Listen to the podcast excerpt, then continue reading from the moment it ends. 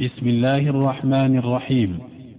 السلام عليكم ورحمة الله وبركاته. وبعد فهذا الدرس التاسع من دروس فضيلة الشيخ سليمان بن ناصر العلوان حفظه الله تعالى المتضمنة شرح كتاب تجريد التوحيد المفيد للشيخ العلامة أحمد بن علي المقريزي الشافعي.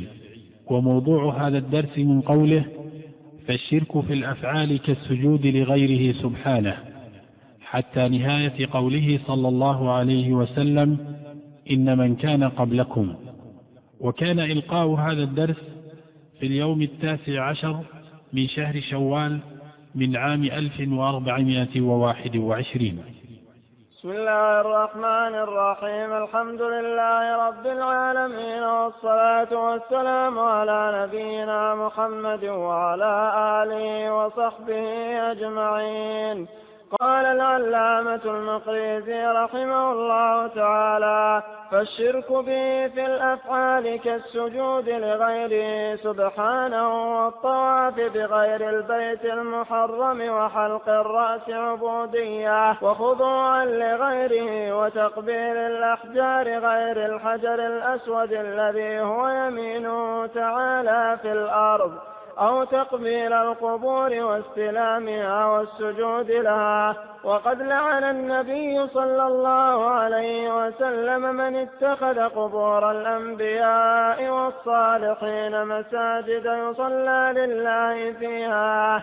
فكيف من اتخذ القبور أوثانا تعبد من دون الله؟ فهذا لم يعلم معنى قول الله تعالى إياك نعبد.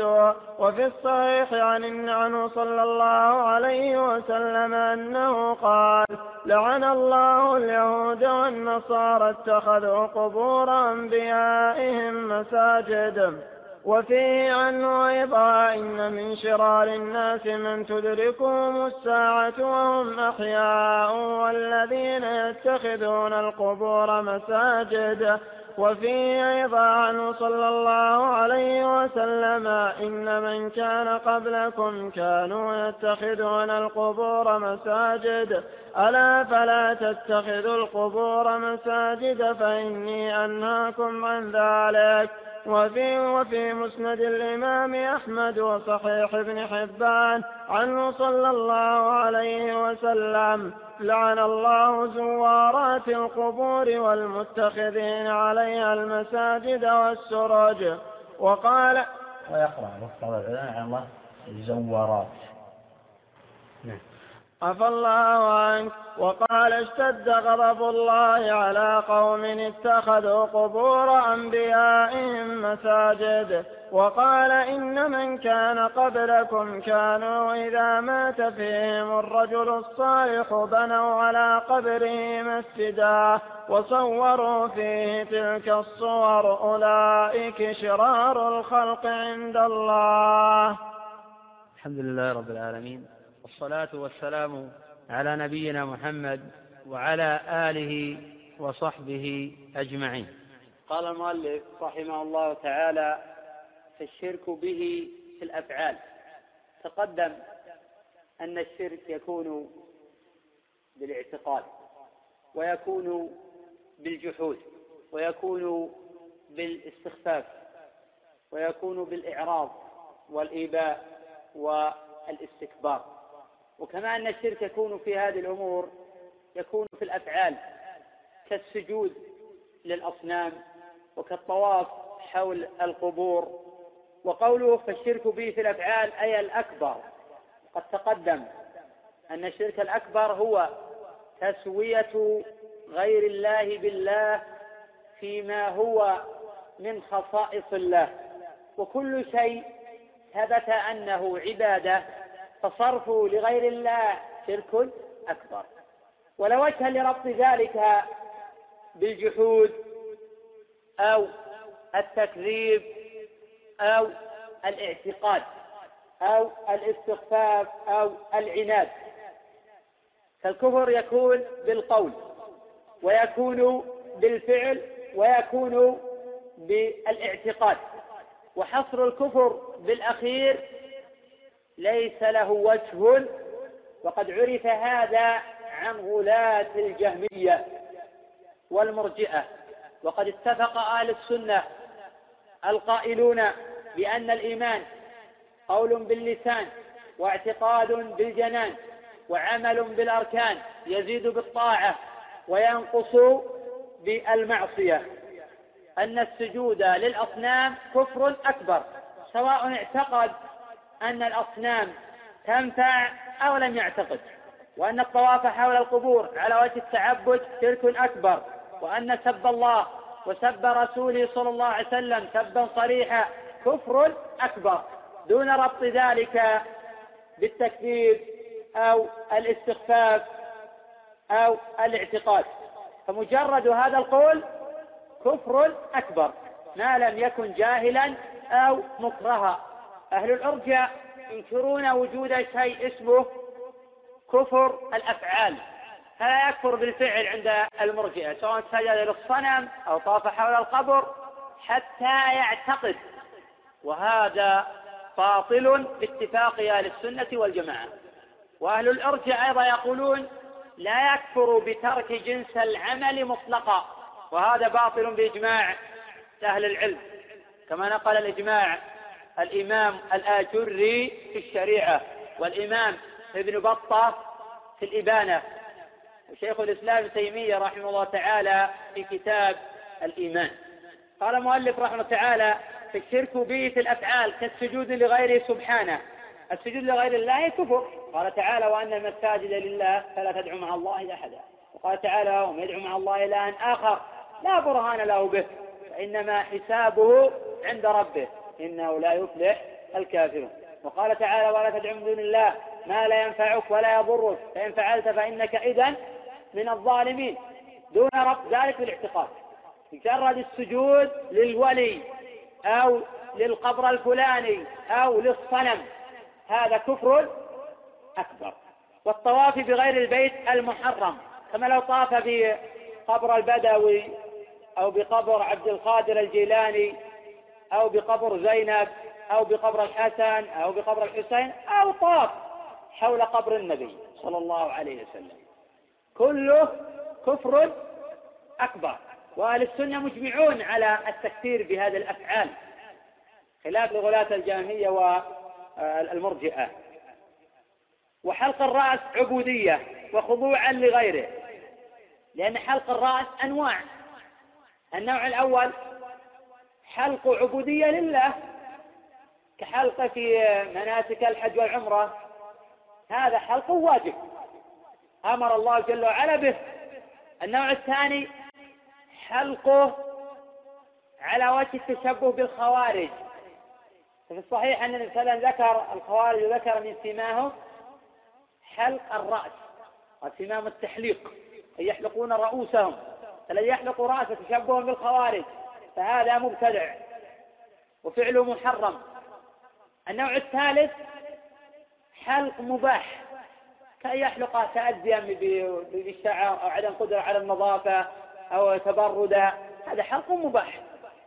النوع الرابع حلقه كفر وشرك كأن يحلق بين يدي شيخه توبة له وخضوعا وعبودية. وهذا الذي أشار إليه المؤلف رحمه الله تعالى بقوله وحلق الرأس عبودية وخضوعا لغيره وهذا موجود عند غلاة الصوفية. وهذا موجود عند غلاة الصوفية. قوله وتقبيل الأحجار غير الحجر الأسود الذي هو يمينه تعالى في الأرض. ورد عند الإمام ابن عدي في الكامل والخطيب في تاريخ بغداد عن جابر بن عبد الله أن النبي صلى الله عليه وسلم قال الحجر الأسود يمين الله في الأرض. وهذا في إسناد إسحاق بن بشر الكاهلي. وهو متهم بالوضع. وقد أحسن ابن العربي حين قال هذا حديث باطل فلا يلتفت إليه. قال ابن العربي هذا حديث باطل فلا يلتفت إليه. وقد أورد ابن الجوزي في العلل المتناهية. وقد جاء هذا الخبر موقوفا عند ابن قتيبة من طريق إبراهيم الخوزي عن عطاء عن ابن عباس وإبراهيم الخوزي متروك الحديث. قاله الإمام أحمد وغيره. فالخبر لا يصح لا مرفوعا ولا موقوفا. الخبر لا يصح مطلقا. لا مرفوعا ولا موقوفا. وقد فسر جماعة من أهل العلم معنى قوله هو يمينه بأن المراد منه أنه محل الاستلام والتقبيل. وتارة يكون التفسير فرعا على التصحيح. فتارة يكون لبيان المشكل حتى لا يتوهم جاهل أو آخر يعتقد الصحة على خلاف وجهه الصحيح. كما تعتقد الحلولية في هذا الحديث. وعلى كل نحن نقول بأن الخبر لا يصح لا موقوفا ولا آه، مرفوعا. وأن تقبيل الأحجار محرم باتفاق أهل العلم وأن السجود لها كفر. والله جل وعلا لم يشرع لعباده تقبيل شيء من الأحجار سوى الحجر الأسود.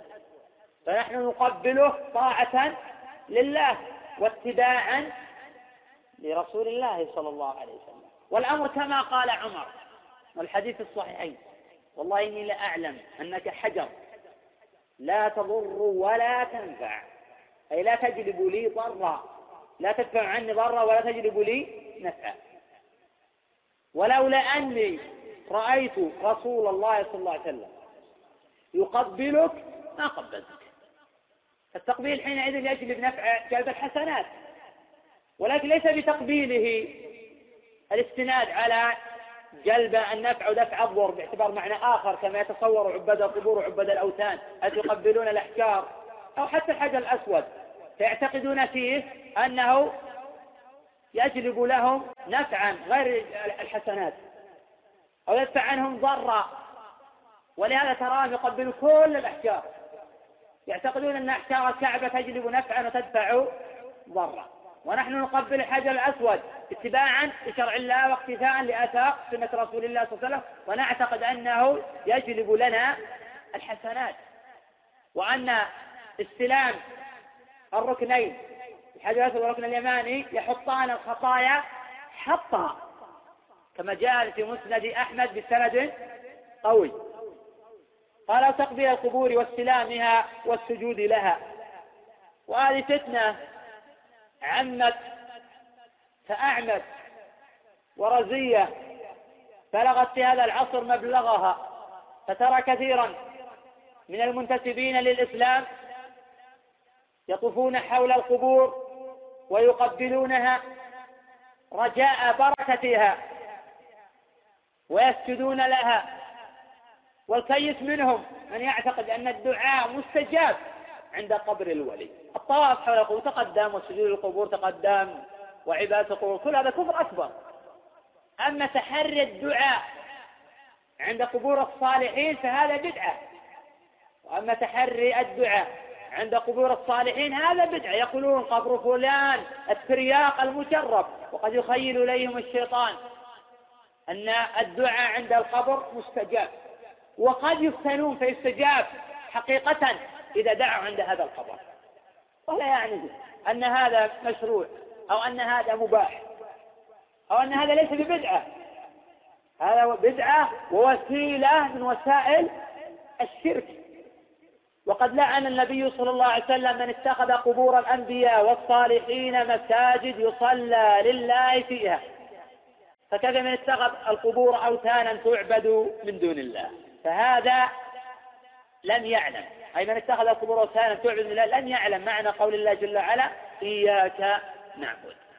النبي صلى الله عليه وسلم لعن من اتخذ قبور الأنبياء والصالحين مساجد وهم اليهود والنصارى. أي لعن اليهود والنصارى كما الحديث الآتي إن شاء الله.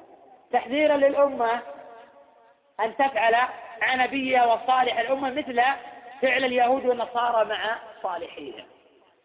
فإن هذا الفعل محرم.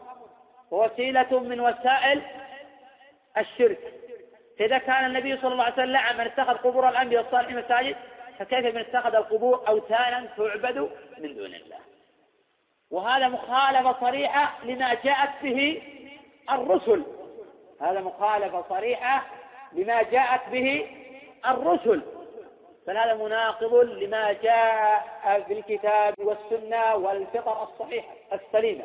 وما بعث الله نبيا ولا أرسل رسولا إلا وكانت مهمته دعوة الناس إلى توحيد الله وإفراده بالعبادة وخلع عبادة الأوثان والأنداد. وهؤلاء يقرؤون القرآن ولا يفهمون ولا يعون ما أريد به منهم. الله جل وعلا يقول إياك نعبد. وهم يقرؤون هذه السورة ليلا ونهارا ولا يعون المراد منها. إياك نعبد. قدم العامل على المعمول لقصد الحصر. قدم العامل إياك نعبد وإياك نستعين. قدم المعمول على العامل بقصد الحصر. المعمول إياك. العامل نعبد. إياك نعبد وإياك نستعين. أي لا نعبد إلا إياك ولا نستعين إلا بك. وهم يعبدون معه إلها ولكن الشيطان يخيل إليهم أن هذا ليس هو العبادة. فيقال وأي فرق بين ما تفعلونه وبين ما أنكره النبي صلى الله عليه وسلم على كفار قريش؟ لا فرق بين الأمرين. بل قد يكون هذا الكفر شرا مما كان عليه الأمر من قبل. فإن كفار المشركين أو فإن مشركين من قريش يلجؤون إلى الله جل وعلا في الشدة ويعلمون أن الله جل وعلا هو الذي ينجي من ظلمات البر والبحر. فيتركون عبادة الأوثان في الشدة. بينما هؤلاء يستغيثون بالأموات والغائبين ويطوفون حول القبور في الرخاء والشدة. بل قد يلجؤون لهذه الأمور في الشدة أعظم مما عليهم المشركون من لجوءهم لله يلجؤون في الشدة إلى الأوثان والمشركون يلجؤون إلى الله في الشدة. فشرك هؤلاء أغلظ من شرك المشركين بهذا الاعتقاد. قال المؤلف وفي الصحيح. صوابه وفي الصحيحين.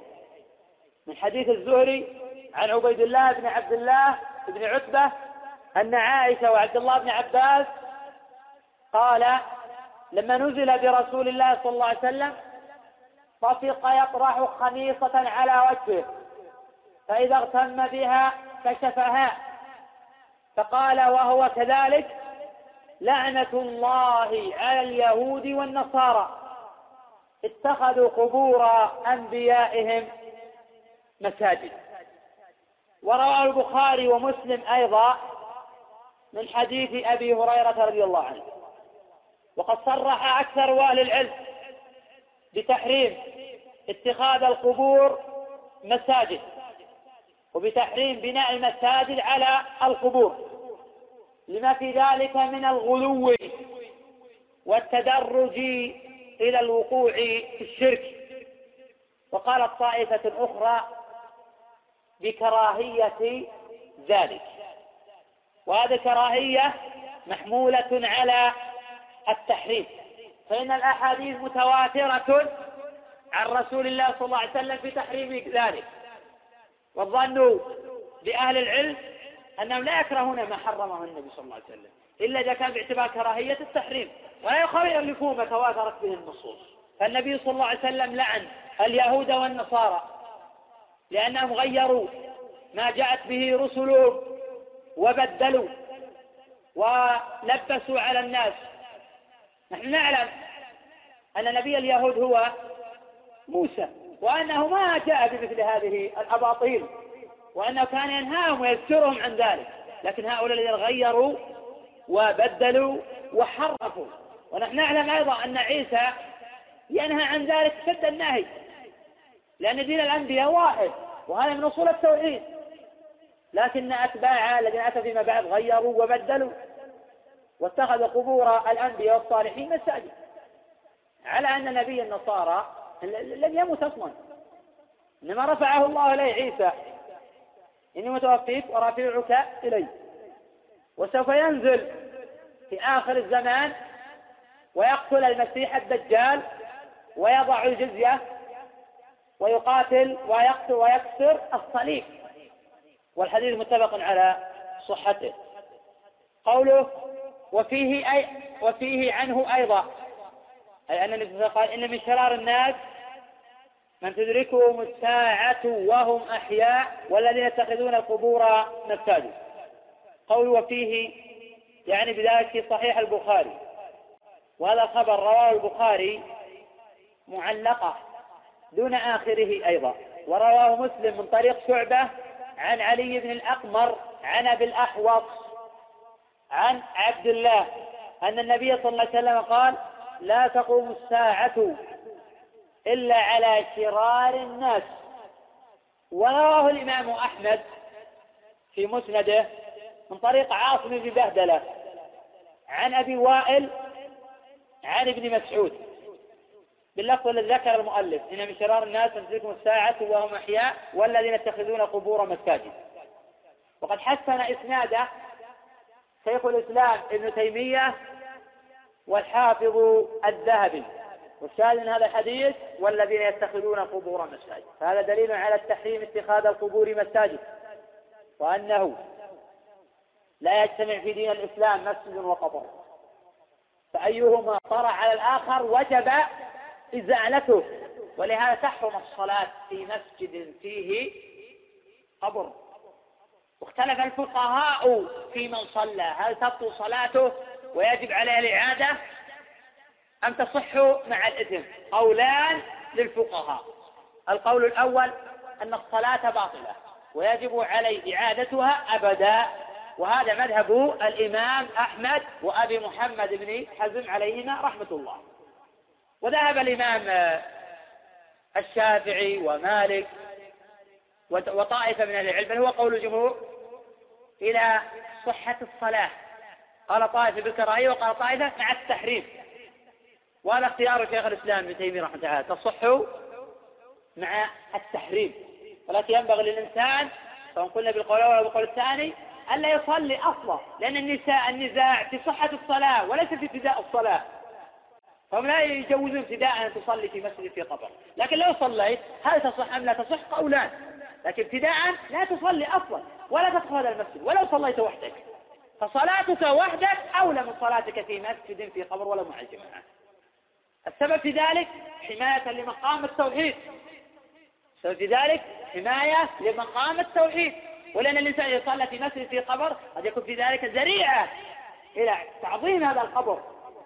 ولأن الذين يضعون القبور في المساجد يعتقدون أن الصلاة في هذا المسجد أولى من الصلاة في غيره. وأنها قد تقبل في هذا المسجد ما لا تقبل في الغير. وأن الدعاء مستجاب لأن هذا المسجد في هذا الولي. ولهذا نحن نرى كثرة القبور في العالم الإسلامي ولا سيما في البلاد الإفريقية. ترى في بعض البلاد المحسوبة والمنسوبة للإسلام آلاف القبور الموجودة في المساجد. تعظيما لها. فإذا توفي من يظنونه وليا وضعوا على قبره قبة وبنوا عليه مسجدا وجعلوه مزارا ومطافا أعظم من الطواف حول البيت العتيق والذي يتعرض لهذا الولي يلاقي من البطش الشيء الكثير أو ما لا يمكن وصفه. وترى الآلاف من الجهلة والطواف يطوفون حول هذا القبر ويصلون لهذا القبر وله ينظرون وعليه يسجدون. يرجون يرجون نفع هذا الولي وبركته. فواجب أهل العلم والدين بيان التوحيد وبيان ما جاءت به الرسل فإن هذا العمل مناقض لما أرسلت به الرسل وما نزلت به الكتب. وهذا العمل باطل. والله جل وعلا أرسل الرسل وأنزل الكتب لبيان التوحيد وبيان ما هو موافق للفطر والعقول السليمة. وهؤلاء خالفوا ما جاءت به الرسل وخالفوا الفطر وخالف العقول الصحيحة. وأي عقل عند رجل يعبد القبور؟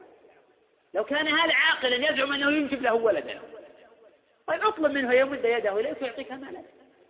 اطلب من هذا الولي الذي تعبده وتطوف حول قبره وتصلي له ولو تنظر أن يمد يده وأن يعطيك مالا.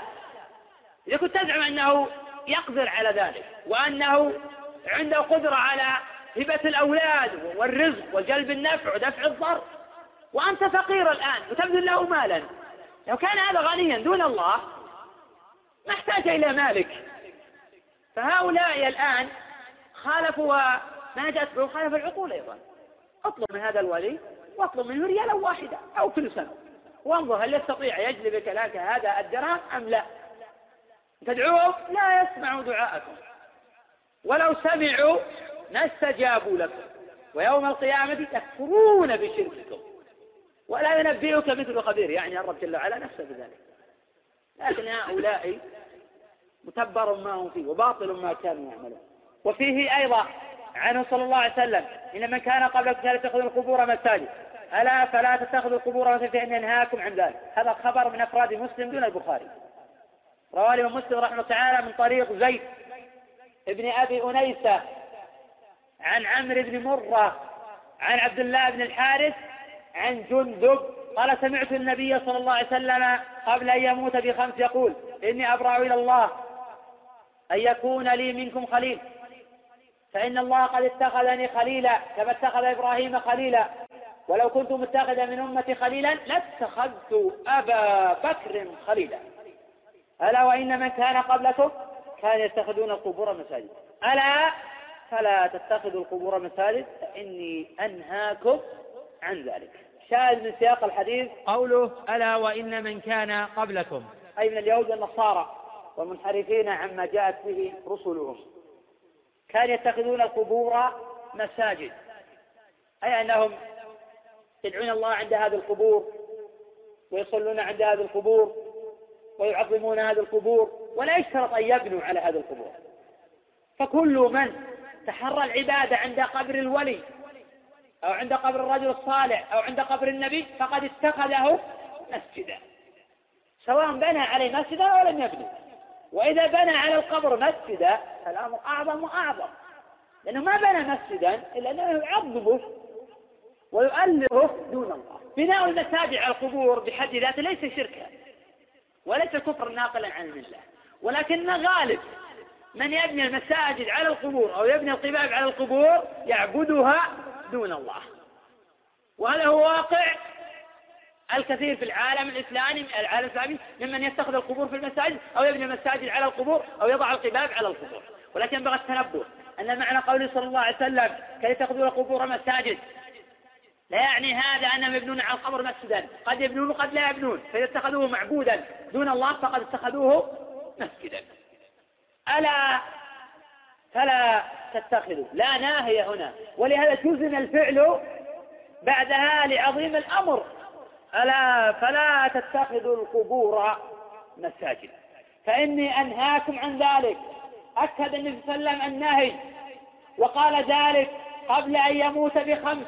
تنبيها لمقام التوحيد وتعظيما لشأنه ففيها الرد على بعض الجهال الذي يعتقد عدم التنبيه على قضايا التوحيد وعلى التحذير من الشرك في بلد تعج فيه الصالحون والأخيار. فنحن نعلم أن النبي صلى الله عليه وسلم نبه أعظم مجتمع وأطهر مجتمع. وأعظم مجتمع يعرف ربه.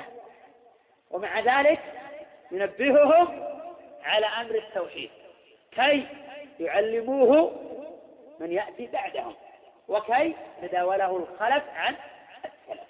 ومع هذا التنبيه العظيم وجد من يتخذ القبور مساجد. فكيف لو لم ينبه النبي صلى الله عليه وسلم؟ فكيف تصنع هذه الأمة؟ مع وجود التنبيه العظيم وجد من يخالف نهيه ويرتكب ما نهى عنه النبي صلى الله عليه وسلم. إذا نحن بحاجة إلى التنبيه على قضايا التوحيد ولا سيما هذه المسألة. فإن القباب التي حول القبور في العالم الإسلامي كثيرة جدا. قال مؤلف وفي مسند الإمام أحمد. وصحيح ابن حبان عنه صلى الله عليه وسلم.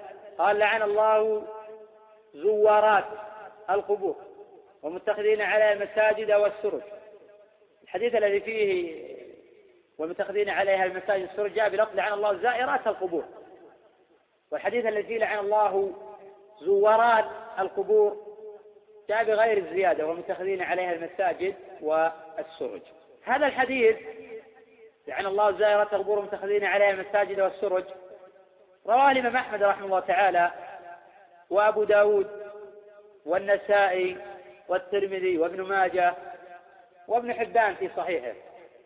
من طريق محمد بن جحادة عن أبي صالح عن ابن عباس عن النبي صلى الله عليه وسلم. وأبو صالح هو باذان قال عنه الإمام مسلم أبو صالح اتقى الناس حديثه ولا يثبت له سماع من ابن عباس. والشطر الأول لعن الله زائرة القبور له شواهد سوف يأتي والشطر الثاني ومتخذين عليها المساجد والسرج قوله متخذين عليها المساجد؟ هذه اللفظة متواترة. تواترت النصوص عن النبي صلى الله عليه وسلم في تحريم اتخاذ المساجد القبور على المساجد والعكس. والسرج الاتفاق قائم على تحريم قاد آه، المقابر وجعل السرج عليها. لكن قالت طائفة بالتحريم وقالت طائفة بالكراهية. ولم يرخص أحد بالجواز مطلقا. ولم يرخص أحد بذلك مطلقا. إنما رخص طالب العلم للحاجة والضرورة وهذا واضح بفعل النبي صلى الله عليه وسلم وفعل الصحابة. كان نريد أن نفتن الرجل ليلة فلا مانع نستصحب سراجا بدلالة الطريق دون تنوير كل المقبرة. إنما ننور ما نحتاج إليه دون فتح المجال لتنوير كل آه، المقبرة. قوله لعن الله زائرات القبور. روى الإمام أبو عيسى الترمذي رحمه تعالى عن قتيبة بن سعيد قال حدثنا أبو عوانة عن عمر بن أبي سلمة عن أبيه عن أبي هريرة أن رسول الله صلى الله عليه وسلم لعن زوارات القبور. قال أبو عيسى هذا حديث حسن صحيح. وروى ابن حبان في صحيح بلفظ لعن الله زائرات القبور. وأهل العلم مختلفون في حكم زيارة النساء للقبور على ثلاثة أقوال. وأهل العلم مختلفون في حكم زيارة النساء للقبور على ثلاثة أقوال. القول الأول التحريم. لحديث أبي هريرة ولحديث أم عطية في الصحيحين نهينا عن اتباع الجنائز ولم يعزم علينا. قالوا إذا كانت المرأة منهية عن اتباع الجنائز فلا أن تنهى عن زيارة المقابر من باب أولى. وقولها ولم يعزم علينا أجابوا عن وجهين. قالوا الوجه الأول أن هذا ظنها. الأمر الثاني ولم يعزم علينا أي لم يؤكد النهي علينا. المذهب الثاني والقول الثاني الكراهية دون تحريم. وهذه رواية عن الإمام أحمد رحمه الله تعالى. القول الثالث الجواز بدون كراهة. إذا أمنت الفتنة. الجواز بدون كراهة إذا أمنت الفتنة. فإذا لم تؤمن الفتنة منع مطلقا. وهذا قول الجمهور. والقول الأول أقوى. وهو تحريم زيارة النساء للمقابر مطلقا. وهذا اختيار الشيخين ابن تيمية وابن القيم. وينبغي التنبؤ لما قاله الجمهور حين جوزوا زيارة النساء للمقابر. قالوا إذا أمنت الفتنة والآن الفتنة ما أمنت على بعض الرجال فكيف على النساء؟ فنحن نرى كثيرا من الرجال والأغبياء في كثير من العالم الإسلامي يطوفون حول القبور ويعظمون القبور. وإذا ذهبوا للمقابر جلسوا يدعون يعتقدون أن الدعاء مستجاب عند هذا القبر. وترى بعض الأغبياء والجهلة يقرأ بعض سور من القرآن عند هذا القبر. ولا سيما قراءة سورة ياسين. ولا يصح في ياسين حديث صحيح. ولا يثبت في ياسين حديث. كل الأحاديث واردة في ياسين ضعيفة مطلقة. بدون استثناء. كل حديث ورد في فضل ياسين. أو في قراءة ياسين عند الاحتضار. أو في غير ذلك كلها ضعيفة. لا يصح فيها حديث. فكيف بقراءتها عند القبور؟ قراءة القرآن عند المقابر من البدع. هذه عبادة والأصل في العبادة البطلان والتحريم حتى يثبت دليل. فإذا لم يثبت دليل فالأصل البطلان. وفي الصحيحين من حديث القاسم بن محمد عن عائشة أن النبي صلى الله عليه وسلم قال من أحدث في أمرنا هذا ما ليس منه فهو رد. البدعة هي الإحداث في الدين بدون دليل. وأي دليل عندهم؟ حين يقرؤون القرآن عند المقابر. ونحن نعلم أن النبي صلى الله عليه وسلم قال لا تتخذوا قبور آه، لا تتخذوا قبر عيدا ولا بيوتكم قبورا. فنحن نعلم أن إذا قرأنا القرآن في البيت ما اتخذنا البيت قبرة فعلم النهي عن قراءة القرآن في المقابر. فينبغي التنبؤ لهذه آه، القضية. وإنما يجوز تلاوة بعض الآيات تبعا للوعظ عند القبر. لأن النبي صلى الله عليه وسلم حين وعظ عند القبر في حديث علي وحديث الصحيحين تلا بعض الآيات وأما من أعطى واتقى إلى آخر الآيات. وبوب على هذا البخاري قال باب موعظة المحدث عند القبر وقعود أصحابه حوله. الموعظة عند القبر آه، مشروعة في بعض الأحيان. للعالم الذي ينظر لقوله ويستمع لرأيه ويجلسون وينصتون. أما الاستمرار في ذلك والمداومة على الوعظ عند القبر فلا دليل عليه. لأن نعلم علم اليقين أن النبي صلى الله عليه وسلم دخل مرارا المقابر متبعا لجناس فلان والآخر والثاني والثالث والعاشر ولم يعظ عند القبر فوعظ تارة ترك تارة. ففعل سنة وتركه سنة.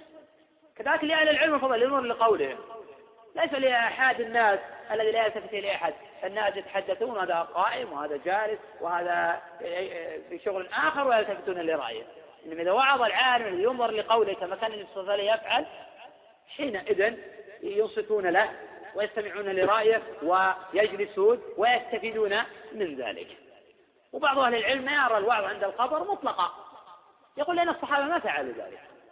وفعلا لم ينقل عن صحابي قط أنه كان يعظ عند القبر. وقال اشتد غضب الله على قوم اتخذوا قبور أنبيائهم مساجد. أي وقال صلى الله عليه وسلم اشتد غضب الله على قوم اتخذوا قبور أنبيائهم مساجد.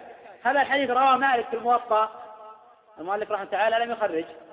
وابن سعد في الطبقات من طريق زيد بن أسلم عن عطاء بن يسار عن النبي صلى الله عليه وسلم.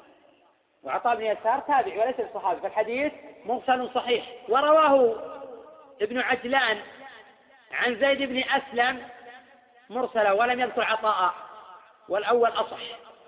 وللحديث شاهد رواه الإمام أحمد رحمه الله تعالى والحميدي في مسنده. من طريق حمزة بن المغيرة الكوفي. عن سهيل بن أبي صالح عن أبي عن أبي هريرة عن النبي صلى الله عليه وسلم. قال اللهم لا تجعل قبري وثنا يعبد شد غضب الله على قوم اتخذوا قبور أنبيائهم مساجد. وحمزة بن المغيرة قال عنه ابن معين ليس به بأس. فالحديث ناده جيد والحديث يدل على ما دلت عليه الأحاديث السابقة أنه لا يجتمع في دين الإسلام مسجد وقبر. فأيهما طرى على الآخر؟ وجب إزالته وهدمه. ومن ذلك القباب المبنية على القبور. يجب هدمها. وهي بالهدم أولى من مسجد الضرار. وهنا مسألة. إذا لم نتمكن من إزالة المسجد وقد بني المسجد على القبر وتمكنا من إزالة القبر هل لابد أن نزيل المسجد؟ أو يجوز حينئذ أن نزيل القبر. الصحيح من أقاويل العلماء أن يجوز حينئذ إزالة القبر وإبقاء المسجد كما اختار ذلك شيخ الإسلام ابن تيمية رحمه الله تعالى لأنه هو الذي أمكن إزالته بشرط ألا يفتتن بهذا المسجد بحيث يعتقد أنه سبقا صار فيه قبر ولي فحينئذ الصلاة أفضل من غيرها فحينئذ يحرم إزالة القبر بل يجب إزالة المسجد. وإذا خشيت الفتنة بهذا وهذا وجب إزالتهما معا حسما لمادة الشرك والإحداث في الدين. أما إذا لم يحصل شيء من ذلك. وأمكن إزالة القبر. وقد بني المسجد على القبر فإننا حينئذ نزيل القبر ونبقي المسجد. وقال صلى الله عليه وسلم إن من كان قبلكم كانوا إذا مات فيهم الرجل الصالح بنوا على قبر مسجد وصور في تلك الصور. أولئك شرار الخلق عند الله. هذا الخبر متفق على صحته. قال الإمام البخاري رحمه تعالى حدثنا محمد بن المثنى. قال حدثنا يحيى عن هشام. قال أخبرني أبي عن عائشة. أن أم حبيبة وأم سلمة ذكرتا كنيسة رأيناها بأرض بأرض الحبشة فيها تصاوير. فذكرتا للنبي صلى الله عليه وسلم فقال الحديث.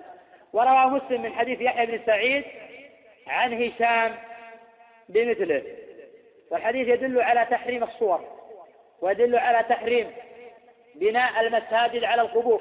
ونستفيد من ذلك أن تحريم بناء المساجد على القبور متواتر. وقد قيل إن أول من بنى المساجد على القبور ووضع القباب على القبور وأشهر هذا الأمر هم العبيديون في مصر بحدود سنة 362 ومنهم انتشر الشرك في البلاد الإسلامية وعمت البدع. وإلى زماننا هذا ونحن نرى آثار العبيديين الذين ينتسبون إلى فاطمة ظلما وزورا فلم يثبت لهم نسب بل هم روافض أعداء لله وأعداء لرسوله صلى الله عليه وسلم. وكانوا عبادا للقبور وعبادا للأوثان. قوله أولئك شرار الخلق عند الله.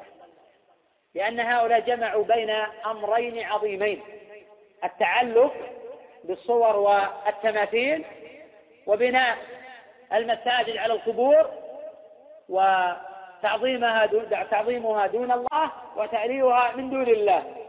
والله جل وعلا يقول أن المساجد الله فلا تدعوا مع الله أحدا.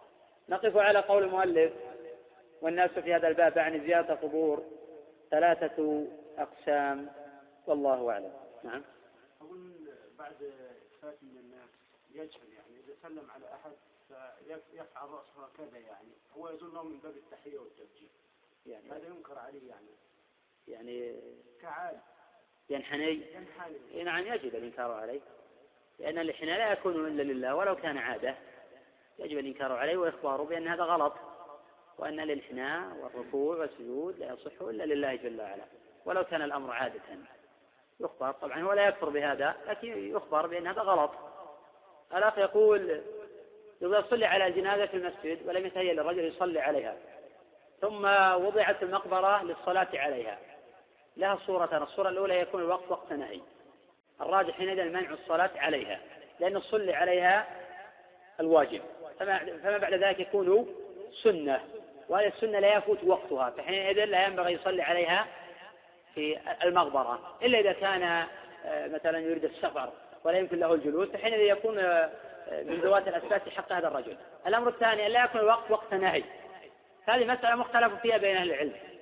القول الأول لا مانع من الصلاة عليها وهذا مذهب أبي هريرة وجماعة من الصحابة وهو قول الجمهور لأن المقصود الصلاة على الجنازة لا الصلاة على أو أمام القبور ولا تقصد الصلاة في المقبرة المقصود الصلاة على الجنازة. وهذا أحد القولين عن الإمام أحمد رحمه تعالى. وعن أحمد قول بمنع الصلاة عليها. وهذا اختيار طائفة من أهل العلم لقول صلى الله عليه وسلم الأرض كلها مسجد المقبرة والحمام. طبعا هذا حديث مختلف في صحته. فالإمام أحمد يمنع في الرواية الأخرى عن من الصلاة في المقبرة بهذا الحديث إلا المقبرة والحمام.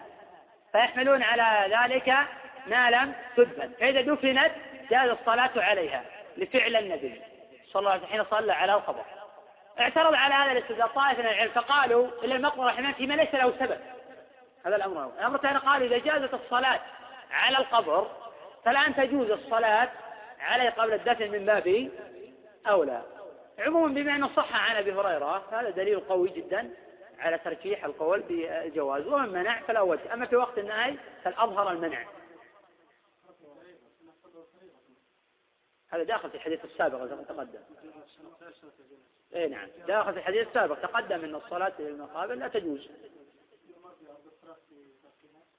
والصلاة صلاة الفريضة أو إنشاء تطوع في المقبرة بدون بدون سبب. هذا محرم ولا يجوز. وقد تقدم القول بالتحريم. ومذهب أحمد مذهب الإمام أحمد رحمة الله أن الصلاة باطلة ويجب عليه إعادتها ولو كان جاهلا في مذهب الإمام أحمد. في قول بعض الفقهاء الشافعية آه، أنه يعذر بالجهل ولا يعيد. وأيضا يقولون أيضا آه، ولو كان متعمدا لا يؤمر بالإعادة لكن نختلف هل هو محرم أو مكروه. لكن الصحيح التحريم وأنه يحرم إيقاع الصلاة نافلة أو فريضة في المقبرة مطلقة. يحرم إيقاع نافلة أو فريضة في المقبرة مطلقة. وهل يعيد أم لا يعيد؟ قولان لأهل العلم. الأمر عظيم جدا. كيف يصلي الفريضة في المقبرة؟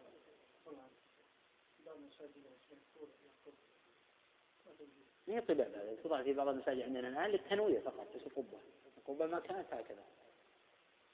بناء وضع القباب على المساجد محرم ولا يجوز. إن هذا من التشبه في النصارى ومن التشبه بعباد القبور على آه، قبور الأموات. أما ما يوجد الآن في بعض المساجد للإنارة ليست على شكل قبه المانع عنه على شكل قبه هذا ينهى عنه ولو على وجه الإنارة. انه بالإمكان يضع على غير شكل قبه إذا كان يقصد فعلا الإنارة. هو السجود للصنم وللحجر بعضهم يقول هو يطلق عليه الكفر العملي. هي كفر عملي كفر أكبر. هذا ما أردت بيانه فيما سبق. أن الكفر العملي قد يكون كفرا أكبر وقد يكون كفرا أصغر. خلافا للمرجئة الذين يقولون أن الكفر العملي لا يمكن يقع في الشرك الأكبر إلا إذا صاحبه اعتقاد أو جحود أو استحلال. فهذا باطل. يكفي هذا.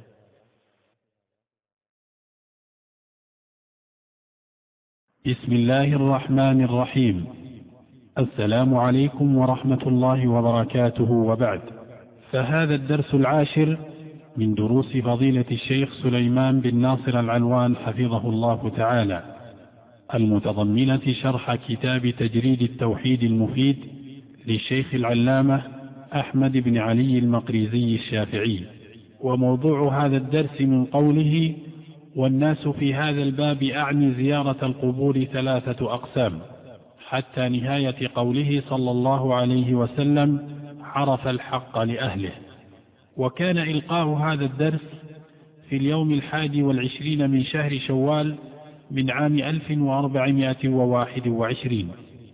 بسم الله الرحمن الرحيم. الحمد لله رب العالمين والصلاة والسلام على نبينا محمد وعلى آله وصحبه أجمعين. قال العلامة المقريزي رحمه الله تعالى والناس في هذا الباب أعني زيارة القبور ثلاثة أقسام.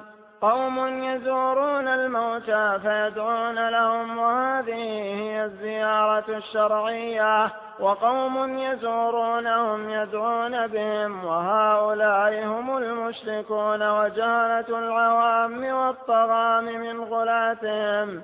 وقوم يزورونهم فيدعونهم أنفسهم. وقد قال النبي صلى الله عليه وسلم اللهم لا تجعل قبري وثنا يعبد وهؤلاء هم المشركون في الربوبية. وقد حمى النبي صلى الله عليه وسلم جانب التوحيد أعظم حماية تحقيقا لقوله تعالى إياك نعبد حتى نهى عن الصلاة في هذين الوقتين لكونها ذريعة إلى التشبه بعباد الشمس الذين يسجدون لها في هاتين الحالتين.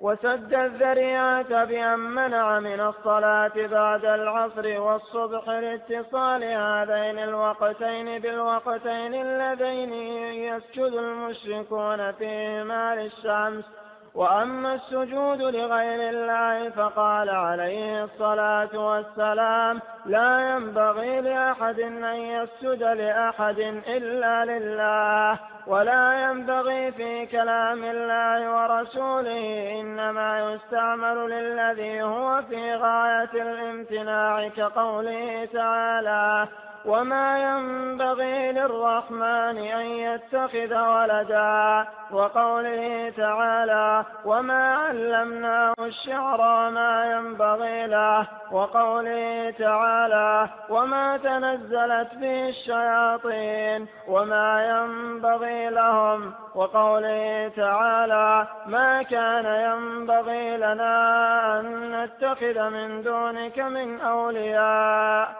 ومن الشرك بالله تعالى المباين المباين لقوله تعالى إياك نعبد الشرك به في اللفظ كالحلف بغيره كما رواه الإمام أحمد وأبو داود عنه صلى الله عليه وسلم أنه قال من حلف بغير الله فقد أشرك صححه الحاكم وابن حبان. قال ابن حبان أخبرنا الحسن بن سفيان قال حدانا عبد الله بن عمر الجعفي قال حدانا عبد الرحيم بن سليمان عن الحسن بن عبيد الله النخعي عن سعد بن عبيدة قال كنت عند ابن عمر فحلف رجل بالكعبة فقال ابن عمر ويحك لا تفعل فإني سمعت رسول الله صلى الله عليه وسلم يقول من حلف بغير الله تعالى فقد أشرك ومن الإشراك قول القائل لأحد من الناس ما شاء الله وشئت كما ثبت عن النبي صلى الله عليه وسلم أنه قال له رجل ما شاء الله وشئت فقال أجعلت لله ندا قل ما شاء الله وحده هذا مع أن الله سبحانه قد أثبت للعبد مشيئة كقوله تعالى لمن شاء منكم أن يستقيم فكيف بمن يقول أنا متوكل على الله وعليك وأنا في حسب الله وحسبك وما لي إلا الله وأنت وهذا من الله ومنك وهذا من بركات الله وبركاتك والله لي في السماء وأنت لي في الأرض. وازن بين هذه الألفاظ الصادرة من غالب الناس اليوم وبين ما نهى عنه من قام وبين ما نهى عنه مما شاء الله وشئت. ثم انظر أيها أفحش يتبين يتبين لك أن قائلها أولى بالبعد من إياك نعبد. وبالجواب من النبي صلى الله عليه وسلم لقائل تلك الكلمة. وأنه إذا كان قد جعل رسول الله صلى الله عليه وسلم ندا فهذا قد جعل من لا يدانيه لله ندا. وبالجملة فالعبادة المذكورة في قوله إياك نعبد هي السجود والتوكل والإنابة والتقوى والخشية والتوبة والنذور والحلف والنذور والحلف والتسبيح والتكبير والتهليل والتحميد والاستغفار وحلق الرأس خضوعا وتعبدا والدعاء كل ذلك محض حق الله تعالى وفي مسند الإمام أحمد أن رجلا أتي به إلى النبي صلى الله عليه وسلم قد أذنب ذنبا عفى الله عنك فلما وقف بين يديه قال اللهم إني أتوب إليك ولا أتوب إلى محمد. فقال صلى الله عليه وسلم عرف الحق لأهله. وخرجه الحاكم من حديث الحسن عن الأسود بن ابن سريع وقال حديث صحيح. بسم الله الرحمن الرحيم. قال المؤلف رحمه الله تعالى والناس في هذا الباب. وضح معنى قوله في هذا الباب قال أعني زيارة القبور ثلاثة أقسام. ثلاثة خبر للناس. شرع المؤلف رحمه الله تعالى في بيان أحوال الناس بالنسبة لزيارة القبور. واقتصر رحمه الله تعالى على ثلاثة أنواع. النوع الأول الذين يزورون الموتى فيدعون لهم. والنوع الثاني الذين الذين يزورون الموتى يدعون بهم. كي يقول للميت ادعوا الله لي. النوع الثالث الذين يزورون الموتى فيدعونهم حيث يقول يا فلان اغفر لي وارحمني وارزقني مالا. ونحو ذلك. والمؤلف رحمه تعالى لم يذكر القسم الرابع وهو زيارة الموتى للدعاء عندهم. لأن يعني بعض الجهل يعتقد أن الدعاء عند القبر الفلاني أولى من الدعاء بعيدا عنه وهذه الأقسام التي ذكرها المؤلف رحمه الله تعالى هي موجودة في فتاوى شيخ الإسلام ابن تيمية في المجلد الأول وموجودة أيضا في زاد المعاد للإمام القيم المجلد الأول وموجودة أيضا في غاسة اللهفان للإمام ابن القيم نقلا عن شيخه شيخ الإسلام ابن تيمية رحمه الله. غير أن شيخ الإسلام رحمه تعالى غاير بين هذه الأقسام. جعل بعضها شركا أكبر وبعضها بدعة وبعضها مشروعا. وإليكم التفصيل. القسم الأول. قوم يزورون الموتى فيدعون لهم. وهذه هي الزيارة الشرعية. ومن الضروري أن نعرف المقصود من هذه الزيارة. المقصد الأول تذكر الآخرة والاتعاظ المقصد الثاني الإحسان إلى الميت بالدعاء له والاستغفار له. المقصد الثالث إحسان الزائر إلى نفسه باتباع السنة. يعني زيارة المقابر على الوجه المشروع سنة. فإن النبي صلى الله عليه وسلم ندب إلى ذلك. وأمر أمته أن يزوروا القبور ونهاهم أن يقولوا هجرا أي قولا سيئا يتنافى مع ما جاء به ديننا. ومن وجه آخر نقول إن زيارة القبور على ثلاثة أنواع. من زيارة القبور على ثلاثة أنواع. النوع الأول زيارة محرمة كالزيارة المتضمنة لمحرم. من نياحة ونحوها أو متضمنة لبدعة أو شرك. هذه الزيارة لا ينازع مسلم في النهي عنها. النوع الثاني المباحة. كزيارة القريب وإن كان كافرا. كزيارة القريب وإن كان كافرا. للرقة عليه لا للدعاء له. كفعل النبي صلى الله عليه وسلم حين زار قبر أمه وبكى. والحديث في صحيح الإمام مسلم. النوع الثالث المشروعة. وذلك للدعاء لهم والاستغفار. ولكن لا يجوز شد الرحل لهذا الغرض. للحديث المشهور المروي في الصحيحين من طريق سفيان عن الزهري عن سعيد عن أبي هريرة. عن النبي صلى الله عليه وسلم قال لا تشد الرحال إلا إلى ثلاثة مساجد المسجد الحرام ومسجد الرسول صلى الله عليه وسلم ومسجد الأقصى. وجاء في الصحيحين أيضا من طريق عبد الملك بن عمير عن قزع مولى زياد عن أبي سعيد الخدري عن النبي صلى الله عليه وسلم بنحو حديث أبي هريرة. النوع الثاني من تقاسيم المؤلف رحمه تعالى قال وقوم يزورونهم أي يزورون الأموات يدعون بهم وهؤلاء هم المشركون في بعض النسخ في الألوهية والمحبة. وفي بعض النسخ وهؤلاء هم المشركون وجهلة العوام والطغام من غلاتهم. قوله يدعون بهم. كأن يقول للميت ادعو الله لي أو ادعو لنا ربك. وهذا محرم بإجماع المسلمين.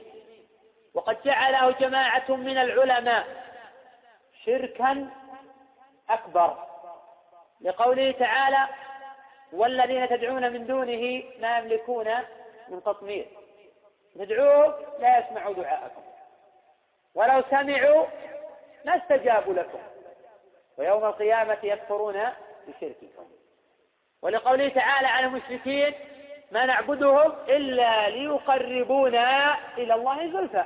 ولقوله تعالى ومن يدعو مع الله إلها آخر لا برهان له به فإنما حسابه عند ربه. إنه لا يفلح الكافرون. وغير ذلك من الأدلة العامة. وكون هذا شركا أكبر هو ظاهر كلام المؤلف هنا.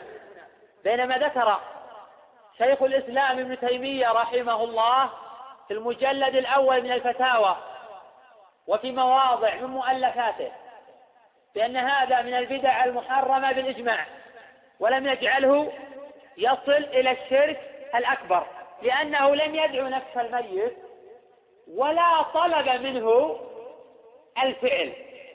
وذكر هذا صاحب كتاب صيانة الإنسان. وقد ذكر هذا أيضا في مواضع من كتابه. وذكر أن هذا النوع من البدع الذي لا التي لا تصل إلى حد الشرك الأكبر. وذكر هذا الإمام العالم أو عالم نجد عبد اللطيف ابن عبد الرحمن بن حسن آل الشيخ. في مواضع أيضا من مؤلفاته. من ذلك الرسائل والمسائل. وأشار إلى ذلك غير واحد من أكابر المحققين. القسم الثالث من تقاسيم المؤلف رحمه الله. قال وقوم يزورونهم فيدعونهم أنفسهم. كأن يقول يا رسول الله اغفر لي وارحمني أو ارزقني ولدا أو مالا أو اجبرني. أو يقول ذلك؟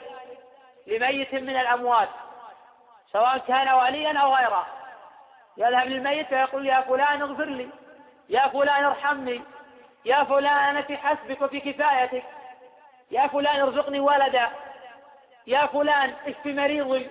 هذا شرك أكبر بإجماع المسلمين. هذا شرك أكبر بإجماع المسلمين. وهؤلاء حين يدعون الأموات يعتقدون أنهم يجلبون النفع ويدفعون الضر. وقد يستدل بعض أغبيائهم وجهلتهم بحديث قد اختلقوه. وهو مشهور في مصنفات عباد القبور والأوثان. وهو إذا أعيتكم الأمور فعليكم بأصحاب القبور.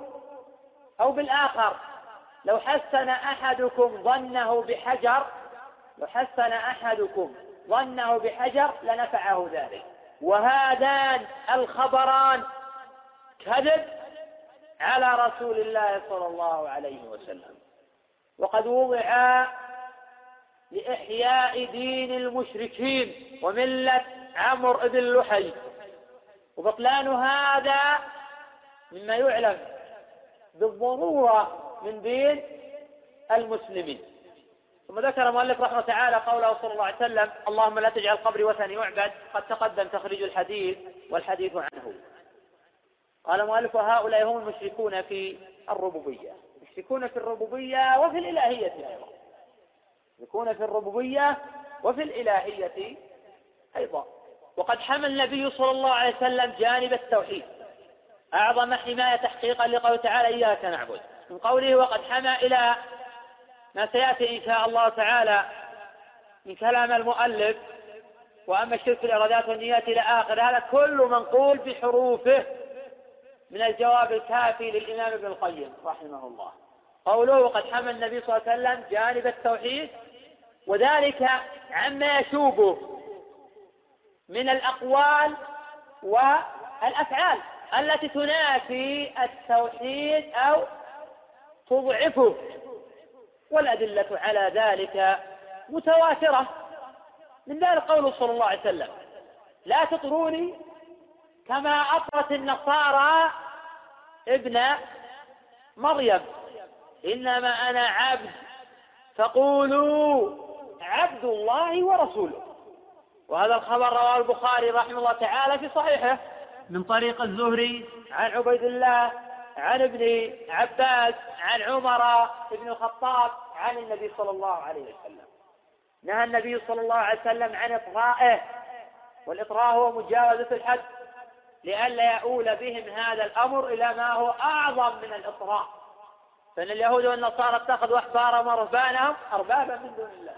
كما قال تعالى اتخذوا أحبارهم ورهبانهم أربابا من دون الله والمسيح ابن مريم. وما أمروا إلا ليعبدوا إلها واحدا. لا إله إلا هو سبحانه عما يشركون. يحلون لهم الحرام فيستحلونه. ويحرمون عليهم الحلال فيحرمون. والأحاديث في حماية مقام التوحيد كثيرة وعظيمة.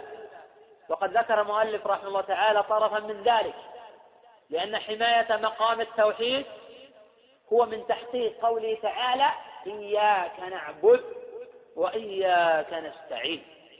فمن تحقيق التوحيد الابتعاد عما يشوب التوحيد من الأقوال والأفعال. سواء كانت هذه الأقوال تنافي التوحيد بالكلية أو تنافي كماله الواجب.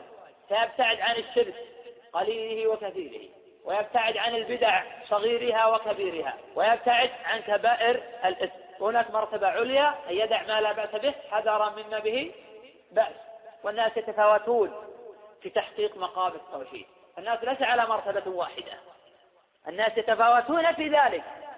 كما أن الإيمان يزيد وينقص يزيد بالطاعة وينقص بالمعصية. والناس يتفاوتون في الإيمان.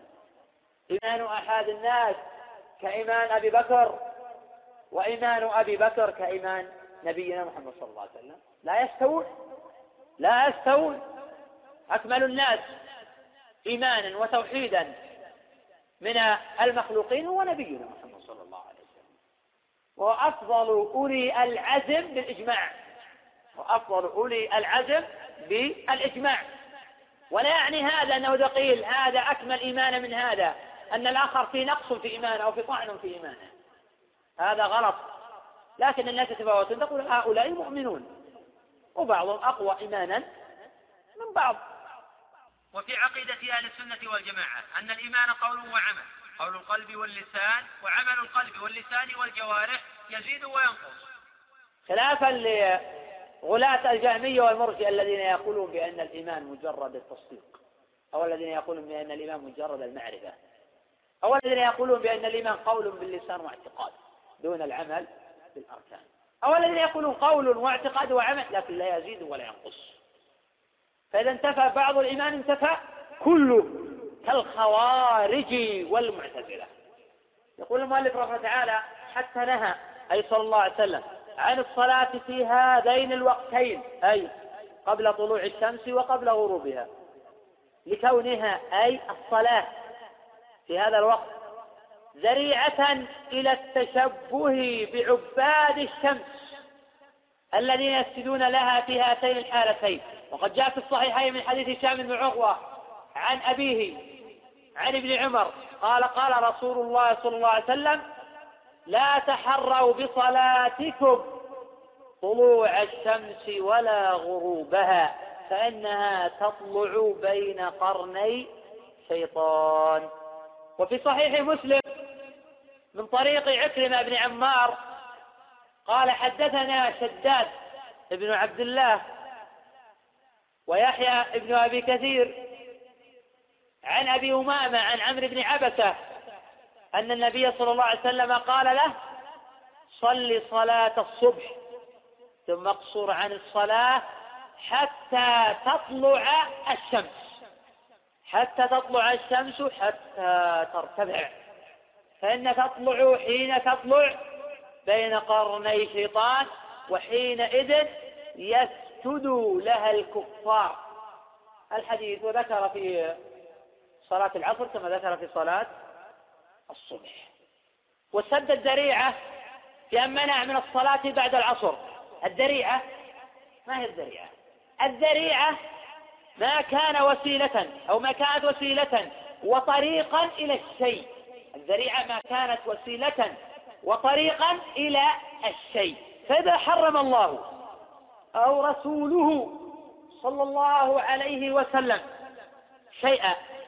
حرم الطرق والوسائل الموصلة والمفضية إلى هذا الشيء تحقيقا للتحريم ومنعا من القرب من ذلك المحرم لئلا يلابسه ويواقعه. فلو أبيحت الوسائل والطرق المفضية إلى المحرم لكان هذا مغريا للنفوس في مواقعة المحرمات وهذا ينافي التحريم ويناقضه والمتأمل في أحكام الشريعة وأسرارها وغاياتها ومقاصدها. يرى أن هذا الأمر لا يتناقض وأنه موجود في هذا الشرع لكماله. فلا ترى محرما إلا ونهيت الطرق الموصلة إليه. الله جل وعلا حرم الزنا. هل أباح وسائله؟ حرم وسائله كالنظر. الله جل وعلا حرم ربا النسيئة هل أباح وسائله؟ لا. حرم وسائله كربا الفضل. وسد الذريعة بأن منع من الصلاة بعد العصر والصبح. النهي عن الصلاة في هذين الوقتين جاء في حديث ابن عباس والخبر في الصحيحين وفي حديث أبي سعيد الخدري والخبر في الصحيحين وفي حديث أبي هريرة وهو في البخاري وهو في البخاري وغيره ولكن يستثنى من ذلك ذوات الأسباب. يجوز الصلاة وتحية المسجد في هذين الوقتين. يجوز صلاة ما ما لا سبب في هذين الوقتين كصلاة الكسوف وقضاء الفوائد وركعتي الوضوء. وصلاة الاستخارة إذا كان يفوت وقتها وركعتي القدوم من سفر ونحو ذلك. وهذا مذهب الإمام الشافعي رحمه الله تعالى ورواية عن الإمام أحمد رحمه الله. واختار هذا القول شيخ الإسلام ابن تيمية وابن القيم وجماعة من أهل العلم لأن النبي صلى الله عليه وسلم نهى عن الصلاتين في هذين الوقتين لكون ذلك ذريعة إلى التشبه بعباد الشمس وإذا فعلهما الإنسان لسبب زال هذا المحذور. وفي الباب أحاديث كثيرة تدل على آه، الجواز. وذهب بعض الفقهاء إلى منع ذوات الأسباب في هذين الوقتين. كأبي حنيفة ومالك ورواية عن أحمد. وهؤلاء جوزوا بعض الصور كقضاء الفوائد. وأجاز الإمام أحمد صلاة الكسوف دون تحية المسجد. وقد اختلفوا في مسائل متعددة. في قول ثالث أنه يجوز الصلاة بعد الفجر وبعد العصر ولا ينهى إلا عند الطلوع عند الغروب كما هو مذهب طائفة من الصحابة وأهل الظاهر. في قول الرابع يحرم بعد الفجر ويجوز بعد العصر حتى تصفر الشمس. المقصود أن النبي صلى الله عليه وسلم سد الذريعة بأن منع من الصلاة أي فيما ليس له سبب بعد العصر والصبح. لاتصال هذين الوقتين بالوقتين اللذين يسجد المشركون فيهما للشمس. ونحن منهيون عن التشبه بالمشركين. النبي صلى الله عليه وسلم قال من تشبه بقوم فهو منهم. رواه الإمام أحمد من حديث عبد الرحمن بن ثابت بن ثوبان عن حسان بن عطية عن أبي منيب الجرشي عن ابن عمر أن النبي صلى الله عليه وسلم قال من تشبه بقوم فهو منهم. قال شيخ الإسلام رحمه الله تعالى في الاقتضاء إسناده جيد. وظاهره يقتضي كفر المتشبه بهم وأقل أحواله التحريم. وأقل أحواله التحريم. يجب الابتعاد عن مشابهة الكفار فيما هو من خصائصهم أو فيما جاء النص به ولو فعله بعض المسلمين فإن النهي باق لا يتغير ولا يتبدل. إذا ورد الحديث عن النبي صلى الله عليه وسلم بأنه نهى عن كذا وكذا وفعله بعض المسلمين لا يتغير الحكم. إنما قال جماعة من العلم كمالك وغيره من الأكابر إذا اشتهر بين المسلمين زال التشبه مقصود بذلك إذا لم يكن هذا مبنيا على دليل إنما بني على واقعهم. وعلى إلحاق النظير بنظيره. وأيضا ليس مقصود مالك فسقة المسلمين. انه يستفاض واستعار بين خيارهم وعدولهم.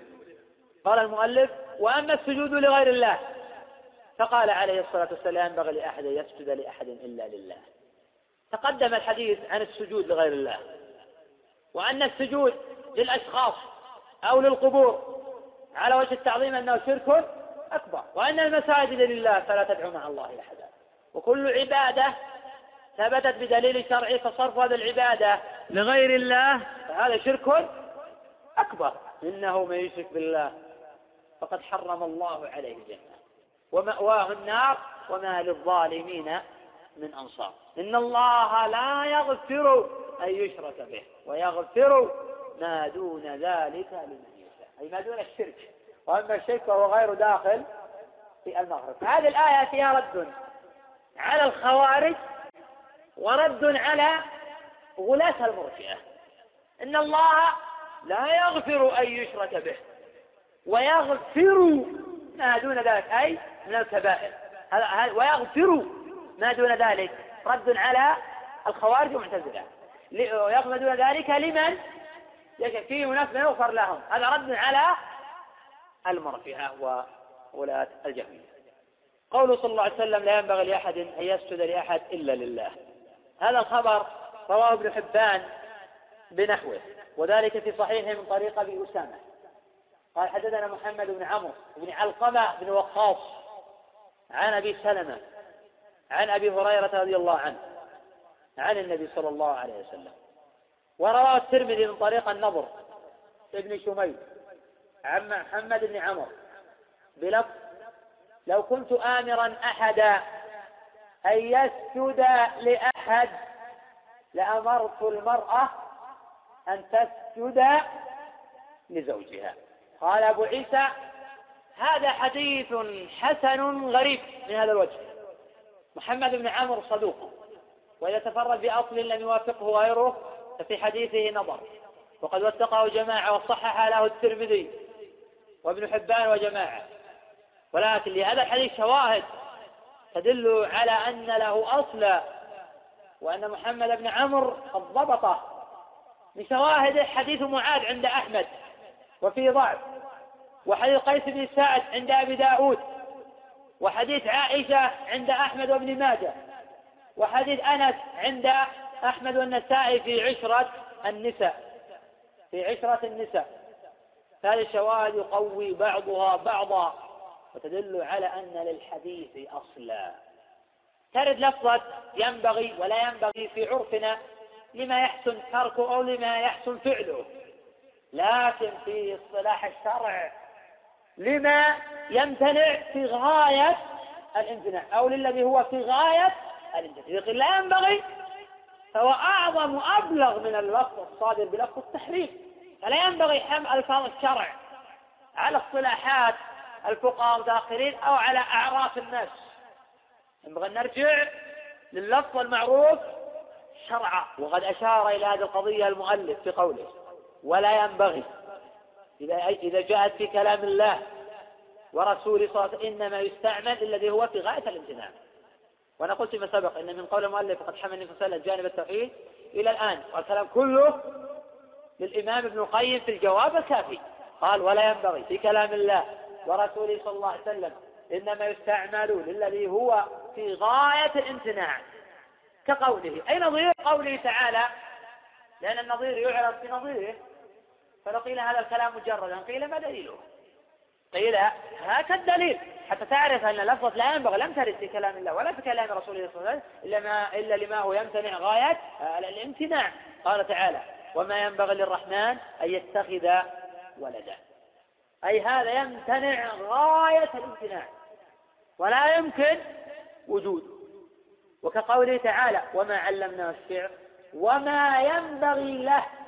هذا يمتنع في حق نبينا محمد صلى الله عليه وسلم غاية الامتناع.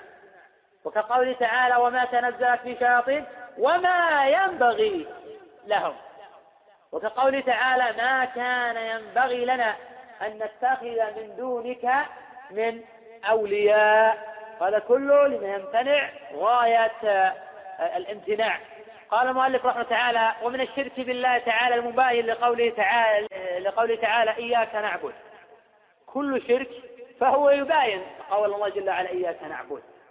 ولكن هذه المباينة قد تكون كلية وقد تكون وقد تكون كلية وقد تكون دون ذلك. لأن هذه المباينة إما أن تكون إما أن يكون العمل شركا أكبر. فهذا ينافي التوحيد بالكلية وإما يكون شركا أصغر. فهذا يناقض شيئا من التوحيد. فهو أقل من الشرك الأكبر. ولكن صاحبه معرض للوعيد فينافي كمال التوحيد الواجب. من الشرك بالله تعالى موبايل قوله تعالى إياك نعبد الشرك به في اللفظ. تقدم الشرك في الفعل. حدث المؤلف هنا عن الشرك في اللفظ. كالحلف بغيره. كالحلف بالبدوي أو بعبد القادر الجيلاني أو الحلف بعلي بن أبي طالب أو بالحسن أو بالحسين أو بالست زينب أو الحلف بما بمن هو أجل وأعظم من هؤلاء. كالحلف برسول الله صلى الله عليه وسلم. كله شرك. كله شرك. لا فرق بين رجل يحلف بالبدوي ولا بين رجل يحلف بالنبي صلى الله عليه وسلم الجهلة والأغبياء يتصورون أنه إذا حلفوا بالنبي صلى الله عليه وسلم صار أمرهم أخف ممن حلف بغيره. يقول هذا نبي وقد يقولون عن مثل هذا الكلام هذا تنقص لرسول الله صلى الله عليه وسلم. فنقول لهم إن الذي حكم بأن هذا العمل هو شرك هو من تشركون به. هو من تشركون به. صلوات الله وسلامه عليه. قال قال صلى الله عليه وسلم من حلف غير الله فكفر وأشرك. فلا يجوز الحلف في احد حلف عبادة. صرف العبادة لغير الله شرك. غير أن هذا الشرك من الشرك الأصغر إذا كان في اللفظ. وإذا اقترن به من التعظيم ونحو ذلك قد يصل إلى لا. الأكبر كما تقدم توضيح ذلك فيما سبق. أورد المؤلف رحمه الله الحديث الذي رواه أحمد وأبو داود أن النبي صلى الله عليه وسلم قال من حلف بغير الله فقد أشرك ألف رابطة لجواب الشر. ثم قال المؤلف صحة الحاكم وابن حبان. وروى الترمذي أيضا كلهم من طريق الحسن بن عبيد الله عن سعد بن عبيدة عن ابن عمر. قال ابن حبان أخبرنا الحسن بن سفيان حدثنا عبد الله بن عمر الجعفي حدثنا عبد الرحيم بن سليمان عن الحسن بن عبيد الله النخعي عن سعد بن عبيدة قال كنت عند ابن عمر فحلف رجل بالكعبة. فقال ابن عمر ويحك لا تفعل فإني سمعت رسول الله صلى الله عليه وسلم يقول من حلف بغير الله تعالى فقد أشرك. والحديث رواته ثقات وأخشى أن يكون هذا الحديث مختصرا مما جاء في الصحيحين من طريق الليث بن سعد عن نافع عن ابن عمر رضي الله عنهما أنه أدرك ابن عمر في ركب أن ابن عمر أدرك عمر بن الخطاب في ركب ويحلف بأبيه فناداهم رسول الله صلى الله عليه وسلم ألا إن الله ينهاكم أن تحلفوا بآبائكم؟ فمن كان حالفا فليحلف بالله هذا حصر فمن كان حالفا فليحلف بالله أو ليصبت فلا يجوز الحلف بأحد من البشر. من كان حالفا فليحلف بالله أو ليصبت ويحتمل يكون هذا محفوظا والأول حديث آخر. وأخشى يكون الأول مختصرا من هذا الحديث المتفق على صحته. وقد رواه أيضا مالك في الموطأ عن نافع عن ابن عمر بنحوه ورواه البخاري في صحيحه من طريق الإمام مالك. تأمل في قوله صلى الله عليه وسلم إن الله ينهاكم أن تحلفوا بآبائكم. أخبرنا النبي عن وجود السبب. إن كانوا يحلفون بآبائهم. فأخبرهم النبي صلى الله عليه وسلم أن الحلف بالآباء لا يجوز. ثم بين حكما عاما تشريعا لكل الأمة لئلا يظن أن النهي مقصور على الحلف بالآباء. قال فمن كان حالفا فليحلف بالله ولم يقل ورسوله. فمن كان حالفا فمن كان حالفا فليحلف بالله أو يصمت فإن الحلف بغير الله شرك. ومن الإشراك بالله تعالى في اللفظ قول القائل لأحد من الناس ما شاء الله وشئت. كما ثبت عن النبي صلى الله عليه وسلم أنه قال له رجل ما شاء الله وشئت. فقال آه، في نسخة مؤلف أجعلت لله ندا. والصحيح هذا الخبر ولفظه في المسند أجعلتني لله عدلا. قل ما شاء الله. نهاه النبي صلى الله عليه وسلم عن قول ما شاء الله وشئت. لأن المعطوف بالواو يكون مساويا للمعطوف عليه. لأن المعطوف بالواو يكون مساويا للمعطوف عليه. وهذا الحديث رواه أحمد من طريق الأجلح بن عبد الله عن يزيد بن الأصب عن ابن عباس. ورواته ثقات. وفي الأجلح ابن عبد الله خلاف. وقد وثقه ابن معين والعجلي. وقال أبو حاتم ليس بالقوي. يكتب حديثه ولا يحتج به. وقال يحيى القطان في نفسي منه شيء. وقال النسائي ضعيف ليس بذلك. وتوسط فيه ابن عدي رحمه الله فقال له أحاديث صالحة يروي عنه الكوفيون الكوفيون وغيرهم ولم أجد له حديثا منكر منكرا مجاوزا للحد لا إسنادا ولا متنا. وهو عندي مستقيم الحديث صدوق. وقد صح هذا الحديث غير واحد من أهل العلم. نحن نعلم أن النهي فيما سبق لأجل وجود الواو. فلو قال ما شاء الله ثم شئت لكان هذا جائزا لكن لما أتى بالواو المفيدة لعقد والمساواة جاء النهي عن ذلك. قال المؤلف هذا مع أن الله سبحانه قد أثبت للعبد مشيئة. كقوله تعالى لمن شاء منكم أن يستقيم. لكن مشيئة المخلوق تابعة لمشيئة الله ليس له مشيئة مستقلة. فتجد من يقول أنا متوكل على الله وعليك بل نهى غير واحد من العلم لو قال توكلت على الله ثم عليك. لأن التوكل عمل قلبي. لأن التوكل عمل قلبي. لا ينفع فيه الإتيان بثم. هذا قول طائفة من المحققين. فكيف إذا أتى بالواو؟ فإن المنع من باب أولى. والمنع من توكلت على الله وعليك أولى من المنع من ما شاء الله وشئت. لوجود مشيئة للعبد. ولأن التوكل عمل قلبي. لا ينقسم. يقول المؤلف كثير من يقول أنا متوكل على الله وعليه أو أنا في حسب الله وحسبك. أي أنا في كفايه الله وكفايتك. وما لي إلا الله وأنت. وهذا من الله ومنك. أي ثم منك. لو قال كان هذا جائزا وهذا من بركات الله وبركاتك. لأنه أتى بالواو. ولو قال هذا من بركاتك دون عطف. يعني لم يقل هذا من بركات الله وبركاته. قال هذا من بركاتك فقط. لكان هذا جائزا. والدليل على ذلك أنه سيد بن حضير قال ما هي بأول بركاتكم يا آل أبي بكر؟ ما هي بأول بركاتكم يا آل أبي بكر؟ من روى هذا الحديث؟ هذا الحديث متفق على صحته فيها أن المخلوق له بركة لأن المخلوق له بركة. فلذلك لو قال هذا من بركتك يا فلان جائز ولكن لو قال هذا من بركات الله وبركاتك منع. لماذا؟ لأن أتى بالواو المفيدة للمساواة. فهذا يمتنع. لكن لو أتى بها مفردة. لكان هذا جائز فينبغي التفريق ومراعاة الألفاظ في ذلك. ويمكن أن نقول تنقسم الألفاظ من حيث الصحة والفساد إلى أقسام. القسم الأول اللفظ الفاسد شرعا. اللفظ الفاسد شرعا من كل وجه. كالحلف بالنبي صلى الله عليه وسلم. أو الحلف بأي مخلوق. فهذا يمنع منه صاحبه ولو كان قصد صاحبه سليما. فلا عبرة بالمقاصد حينئذ اللفظ الفاسد يجب النهي عنه والزجر عن ذلك. كما لو حلف شخص قال بأمي وأبي. يقصد الحالة بذلك. وجب النهي عنه ولو قال أنا قصدي كذا وقصدي كذا. فيجب النهي عن ذلك ولو حلف شخص بالأمانة بالأمانة وجب النهي عن ذلك. القسم الثاني اللفظ السليم شرعا. فهذا يقرون عليه. ولا وجه لمن نهى عن ذلك. موردا احتمالا أنه قد يقصد به كذا قد يقصد به كذا. ما دام إنه سليم شرعا. وجاء ذكره في الكتاب أو السنة؟ فلا وجه للنهي عن ذلك. اللفظ الثالث أو القسم الثالث اللفظ المتردد بينهما. اللفظ المتردد بينهما. المحتمل للصحة والفساد. فهذا يراعى فيه كيفية الاستخدام. فهذا يراعى فيه كيفية آه، الاستخدام.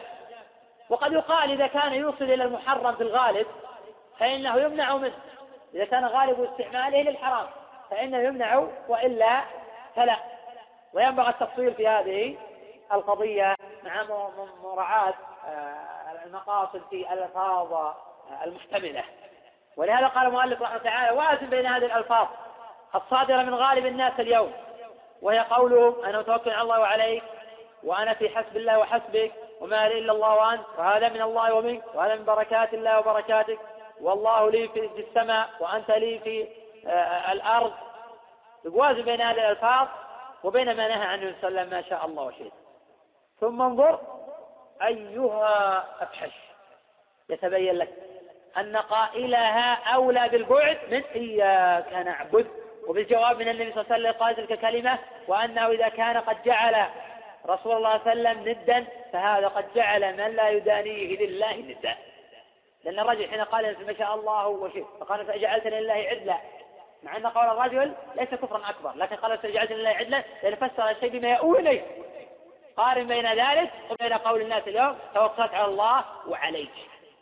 إذا كان هذا في حق النبي صلى الله عليه وسلم ممتنع فكيف في حق من لا يدانيه؟ فهذا من تحقيق التوحيد وحماية جناب التوحيد. ويجب على العبد إذا رأى مثل ذلك الله ينكرها. ولا يقول الإنسان الناس ما يقصدون ولا لم يقصدوا. هل يقول قال الذي يحلف بالنبي ولا يقصد؟ الذي يحلف بالبدء ولا يقصد؟ يحلف عبد القادر لا يقصد. ولا يؤثر هذا يجب النهي عن اللفظ الفاسد. باتفاق العلماء.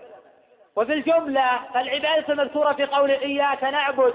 تقدم العبادة اسم جامع لكل ما يحبه الله ويرضاه من الأقوال والأفعال الظاهرة والباطنة. وتقدم أن ركن العبادة الحب مع الذل والخضوع. وعبادة الله الرحمن غاية حبه مع ذل عابده هما فضلان. وعليهما فلك العبادة دائر ما دار حتى قامت القربان ومداره بالأمر أمر رسوله لا بالهوى والنفس والشيطان. فالعبادة المذكورة في قوله إياك نعبد. هي السجود والتوكل والإنابة والتقوى والخشية والتوبة والنذور والحلف والتسبيح والتكبير والتهليل والتحميد والاستغفار وحلق الرأس خضوعا وتعبدا والدعاء. كل ذلك محض حق الله تعالى. وهذا على وجه التمثيل لا على وجه الحصر. هذا على وجه التمثيل لا على وجه الحصر. فإن الركوع للمخلوق بمنزلة السجود.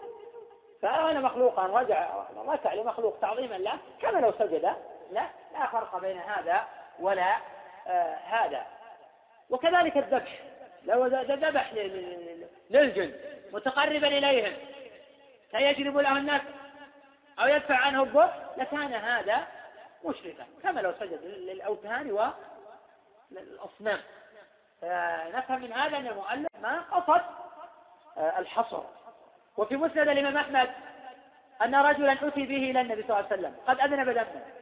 فلما وقف بين يديه قال اللهم إني أتوب إليك ولا أتوب إلى محمد. فقال صلى الله عليه وسلم عرف الحق لأهله.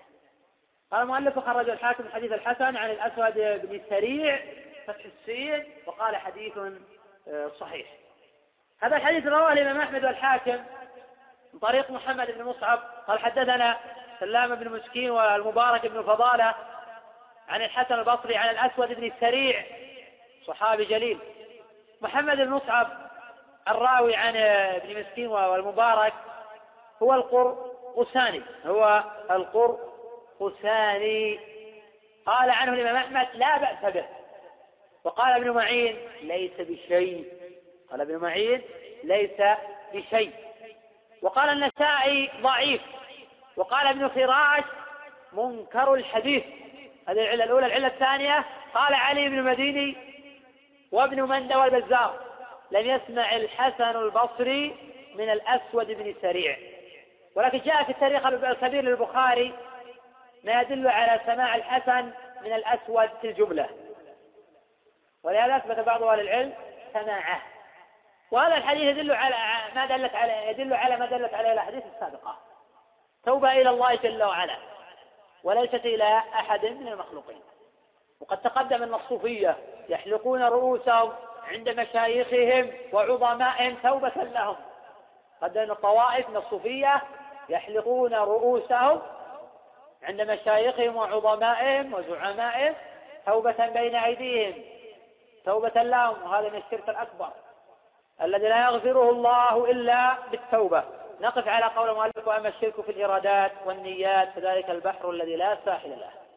ولا يزال الكلام كله للإمام ابن القيم رحمه الله تعالى في الجواب الكافي وهي طريقة لجماعة من السابقين أنهم ينقلون الكلام دون عزو ولا يقصدون سرقة آه، الكلام.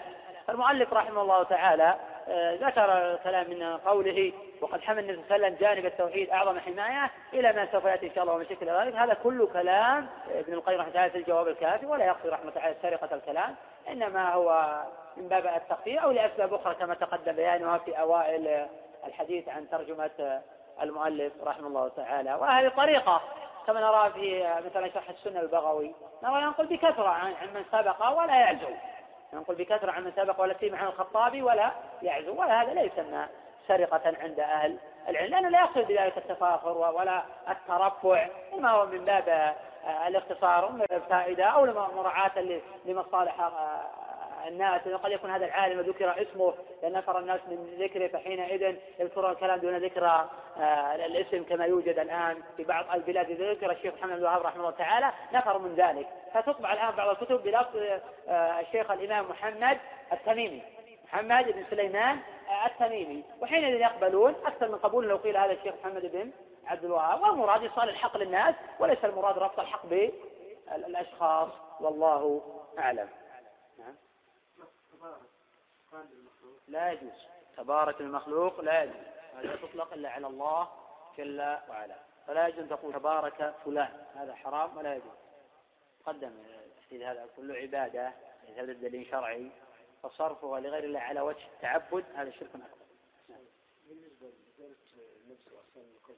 تكون خصوصية؟ لا ليست خصوصية. زيارة النبي صلى الله عليه وسلم لقبر ليست خصوصية. يجوز لكل شخص. أن يزور قبور المشركين للاتعاظ وكي يسأل الله العفو والعافية. أما إذا زار قبور للدعاء لهم هذا محرم. ما كان النبي والذين آمنوا يستغفروا للمشركين. وقد أجمع العلماء على تحريم الدعاء والاستغفار لمن مات على الشرك. أما زيارة القبر القريب للمشرك للاتعاظ والعفو والعافية وللرقة ونحو ذلك فهذا جائز كما بينه أهل التحقيق. هذا من التعب تذهب لا للدعاء له. يعني مررنا بقبر رجل مشرك ونعلم إنه مات على الشرك نبشره بالنار. مع اننا نتعظ من ذلك نسأل الله السلامة والعافية. نعم. والله الأولى في ذلك الاقتصار على النصوص وما جاءت فيها النصوص. قول صلى الله عليه وسلم وإنه لا يسمع قرع نعالهم هذا الحديث متفق على صحته. وكقول صلى الله عليه وسلم صلوا أخيكم التثبيت فإنه الآن يسأل. وغير ذلك من الحديث الدالة على ذلك. نقص على ما جاء النص به وما ثبت من ذلك ولا نتوسع في هذا القضية. نعم. لا يشرع تخصيص يوم لزيارة المقابر كما تفعله العامة يخصصون يوم الجمعة وطائفة أخرى تخصص يوم السبت. لا يشرع ذلك بل اعتقاده أن هذا مشروع بدعة. فهذا تخصيص ذلك مطلقا بدون أي عذر آخر هذا من البدع ومحدثات. إلا اللهم إذا سيخصص يوم الجمعة لأنه لا يفرغ إلا في هذا اليوم. لا بقصد تخصص ذات اليوم. هذا يكون مباحا ولكن يراعي المصلحة رأى أن الناس يتهافتون في هذا اليوم ينبغي يقطع هذا اليوم. لئلا يكون هذا ذريعة لإحداث البدع ونحوها من منكرات الأمور. فلا يخصص يوم لزيارة المقابر. ينبغي الإنسان أن يعتاد زيارتها ولكن لا يخصص يوما. ولا يكثر من زيارتها لئلا يجعلها عيدا. يزور تارة ويدع تارة أخرى.